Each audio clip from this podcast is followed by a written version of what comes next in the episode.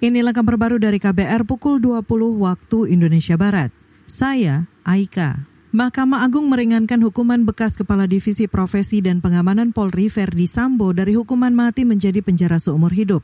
Juru bicara Mahkamah Agung Sobandi mengatakan hal itu diputuskan dalam sidang permohonan kasasi Verdi Sambo terkait kasus pembunuhan Brigadir Yosua Huta Barat.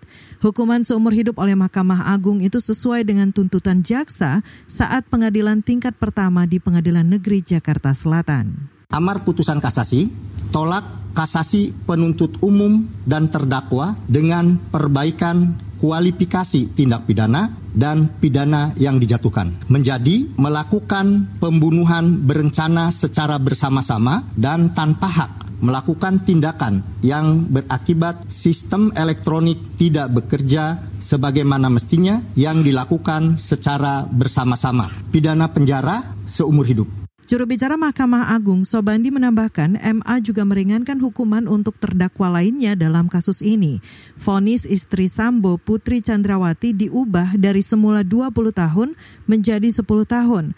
Ricky Rizal dari semula 13 tahun di Korting menjadi 8 tahun penjara. Sementara hukuman terdakwa Kuat Ma'ruf diubah dari 15 tahun penjara menjadi 10 tahun penjara.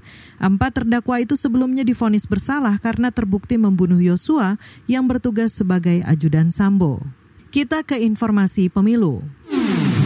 Kabar pemilu. Kabar pemilu. Dewan Kehormatan Penyelenggara Pemilu DKPP akan menindaklanjuti laporan Badan Pengawas Pemilu Bawaslu RI terkait dugaan pelanggaran administrasi pemilu oleh Komisi Pemilihan Umum KPU. Ketua DKPP Hedi Lugito mengatakan aduan itu akan melewati proses verifikasi administrasi dan verifikasi material sebelum disidangkan oleh Majelis DKPP. Adapun laporan Bawaslu diterima DKPP pada awal pekan ini. Kita verifikasi semuanya, verifikasi administrasi dulu, udah memenuhi syarat belum, masih setelah itu verifikasi material. Materialnya memenuhi syarat enggak untuk disidangkan. Barang bukti yang diajukan kira-kira cukup enggak, kalau enggak cukup kita minta lengkapi gitu kan. Kalau sudah dilengkapi, baru kita udah lengkap, betul, kita nyatakan, bisa diajukan ke majelis, kita untuk majelis disidangkan, dijadwalkan, dijadwalkan sidang, baru proses persidangan. Ketua DKPP Hedi Lugito belum dapat memastikan jadwal sidang untuk mengusut dugaan pelanggaran ini. Sebelumnya, Ketua Bawaslu RI Rahmat Bagja melayangkan surat kepada KPU terkait kendala akses alat bantu sistem informasi pencalonan atau SILON yang bisa digunakan parpol untuk mendaftarkan bakal calon anggota legislatif.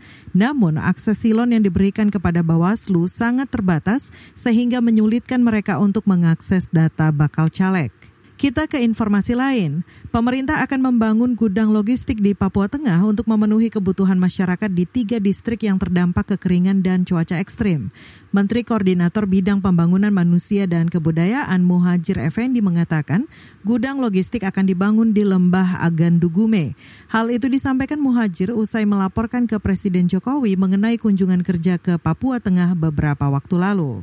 Untuk masalah kekeringan di Kabupaten Puncak sekarang sudah teratasi. Jadi supply logistik sudah lancar dan juga sudah bisa landing di Lembah Agandugame yang kemarin belum dimungkinkan sekarang sudah mulai bisa landing di sana walaupun belum maksimal tetapi insya Allah sudah teratasi.